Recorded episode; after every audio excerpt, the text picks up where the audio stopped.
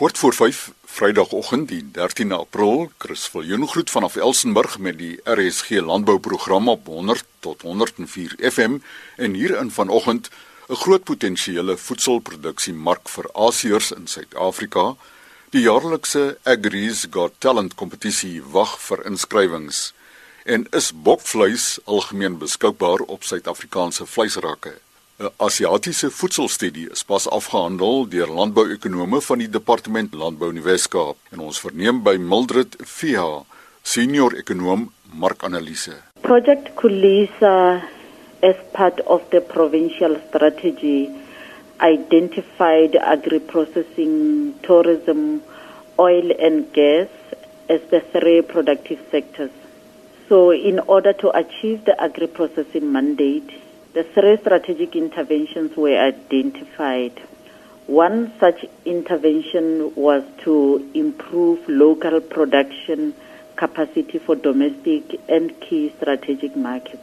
In order to perform or execute this intervention, six activities were identified and one relevant to this task being develop a database of products which can be produced locally we strategically see Asia and also Africa as attractive markets.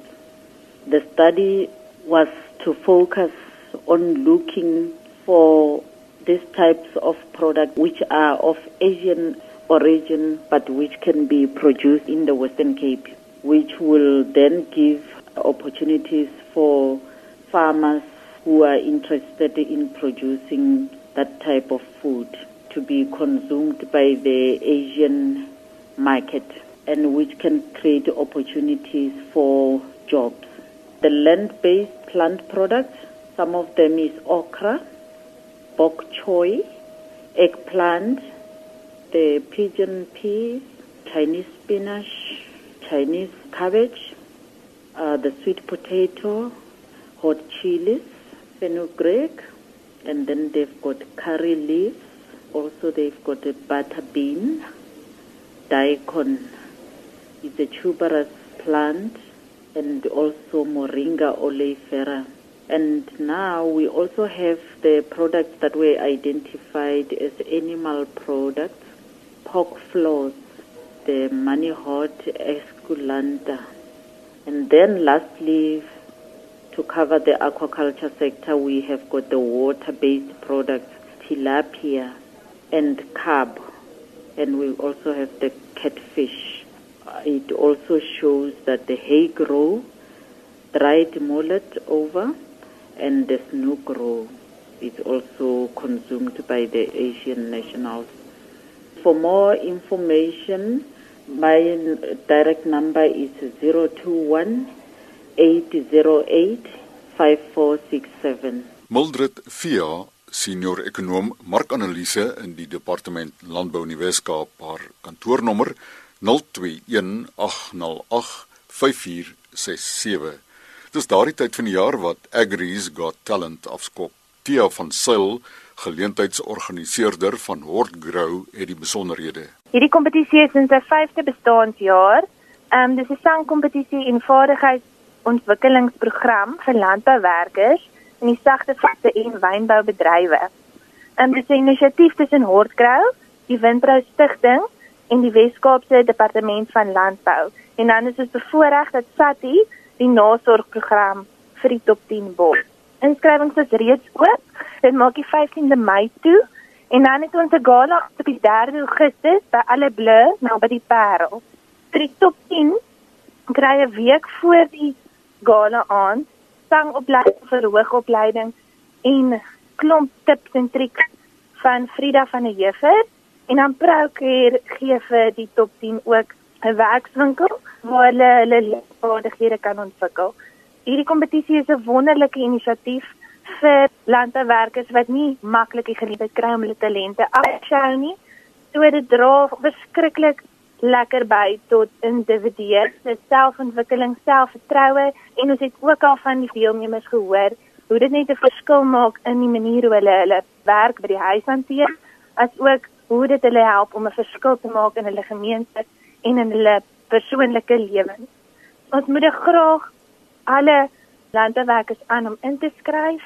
Hulle kan hulle klankgreep, dis 'n voice note, stuur aan 082 3721557 en dan kan hulle ook ons webwerf besoek by agrisgottalent.com. Die inskrywings maak toe die 15de Mei en daarna sal ons kort daarna sal ons die top 10 aankondig en dan is ons gala aan op die 3de Augustus. Theo van Sail van Hortgrow het gesels oor vanjaar se Agri's Got Talent kompetisie. Die telefoonnommer vir inskrywings tot 15 Mei is 082 372 1557 en die web agri'sgottalent.com. Is bokvleis algemeen bekend op Suid-Afrikaanse rakke? Dr. Lorinda Freiling, senior navorser vleiskunde by LNR op Irene, doen reeds jare lank navorsing op bokvleis. Bokvleis is op hierdie stadium nog nie algemeen op op ehm um, Suid-Afrikaanse rakke nie, want tradisioneel het die middelklas en hoër inkomste klas het uh het nie van bokvleis gehou nie. Hulle het 'n persepsie dat dit taai is en nie lekker ehm um, smaak nie. Maar ehm um, die ehm um, huidige middelklas het verander en die aanvraag vir bokvleis raak al hoe meer. Nou is daar eh, 'n uh, tekort aan bokvleis op die um, rakke. As jy bokvleis op die rak kry, dan verkoop dit vinnig uit. Want hierdie bokke wat beskikbaar is, gaan meestal vir tradisionele slagtings.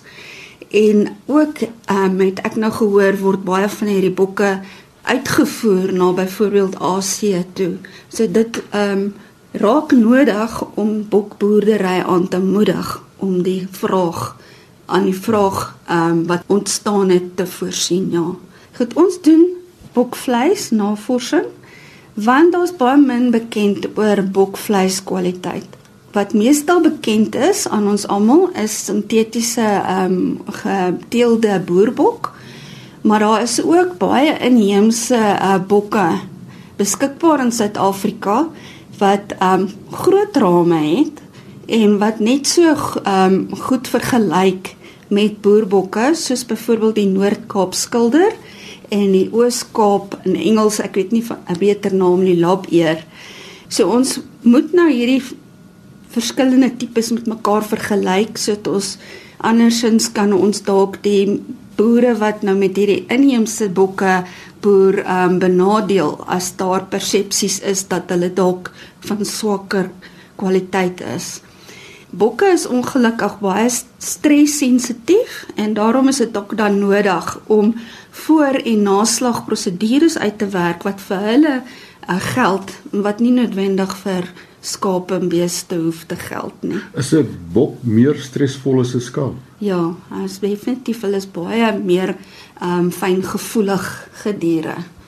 So ehm um, mens moet daai prosedures probeer ehm um, mooi uitwerk dat dat hulle nie te veel gestres word nie en dit dit kan natuurlik veroorsaak dat mense die persepsie het dat die vleis nie so lekker is soos byvoorbeeld skaap of so nie. Die voordeel om natuurlik met hierdie inheemse bokke te boer is hulle is deur al die jare aangepas by die klimaatsomstandighede van die land. En en hulle siektebestand en hulle is baie makliker en goedkoper om mee te boer en veral die opkomende boere het nodig om 'n manier te vind om van die grond af te kom. Ook is dit baie belangrik om hierdie inheemse genetika te bewaar vir want dit is ons erfenis. Ons wil nie graag hê hulle moet nou uitgeteel raak en en dit verlore wees nie. Om met bokke natuurlik te boer is is 'n voordeel in die opsig dat goed, hulle hulle is blaarvreters. Hulle kan aanpas by gras en en bossies ook, maar hulle um, help om ondeurdringbare bosse te verwyder waar ander diere nie kan aankom nie. En dan ook indringerplante is kan hulle eet waar die ander diere dit nie, hulle word siek daarvan. Want ek weet byvoorbeeld hulle kan tot tomate lantana eet sonder dat hulle nou sal doodgaan maar die ander diere is, is sensitief vir hulle. Bokvleis is soortgelyk aan skaapvleis maar dit verskil tot 'n groot mate um in terme van binnespierse vet. En daarom word dit gepromoveer as 'n gesonder vleis as skaapvleis. Die persepsie dat um, bokvleis nie lekker proe nie, ek het omtrent 60 bokke van my eie proef geproe en dit smaak maar vir my maar alles maar net na skaapvleis. Maar natuurlik afhangende van wat as hulle nou skerp bossies sou eet, sou die diere ook geur en smaak verskille openbaar as gevolg van wat hulle nou sou eet. Ek het nie 'n verskil geproe tussen skaap en bokvleis nie, maar ek het 'n idee as mense vooraf weet dis hmm. bokvleis, gaan hulle nou 'n persepsie hê daaroor en dalk iets vind wat nie daar is nie. Ons het nou eerstens het ons die boerbok met inheemse bokke wat wat ons in die ehm um, gewone rural areas kry vergelyk met vleis vleissagtheid en en smaak en alles. Ons het nie verskille gekry tussen dit nie. Het ons nou 'n ander proef met baie meer bokke gedoen waar ons uh, verskillende slagprosedures byvoorbeeld vertraagde verkoeling uit die karkasse want dit is maar klein karkasse as jy hulle in 'n in 'n vrieskas sou plaas dan sou hulle vinnig koel krimping um, ondervind. As hulle dan natuurlik stadiger verkoel soos wat plaasboere nou maar sou gemaak het met hulle karkasse dan sal daar geen negatiewe effekte wat dit dan betref wees in ter, terme van sagtheid nie. Maar wat ons ook gedoen het ons het getoets um elektriese stimulering op hierdie karkasse want ons weet in die industrie uh, is um vleisveiligheid baie belangrik. So verkoeling is baie belangrik. So die karkasse moet vinnig verkoel. So as ons dan nou hierdie elektriese stimulering op op 'n beperkte mate toepas, dan kan ons hierdie koelkrimping voorkoms voorkom en dan is die um vleis dan ook nie so taai nie. Proef waarmee ons ook nou besig is, ons werk saam met die um ander instituut, baie platform technology. Hulle doen nou toetse op die genetika van hierdie verskillende verskillende ekotipes en kyk hoe verwant is hierdie ekotipes nou byvoorbeeld aan boerbok. En dit is nou bekend aan ons dat die boerbok eintlik oorspronklik van hierdie Oos-Kaap labeer geteel is. Dis nou interessant wees hoe lyk die genetika nou? Hoe kan hulle nou die groepe nou onderskei van mekaar af?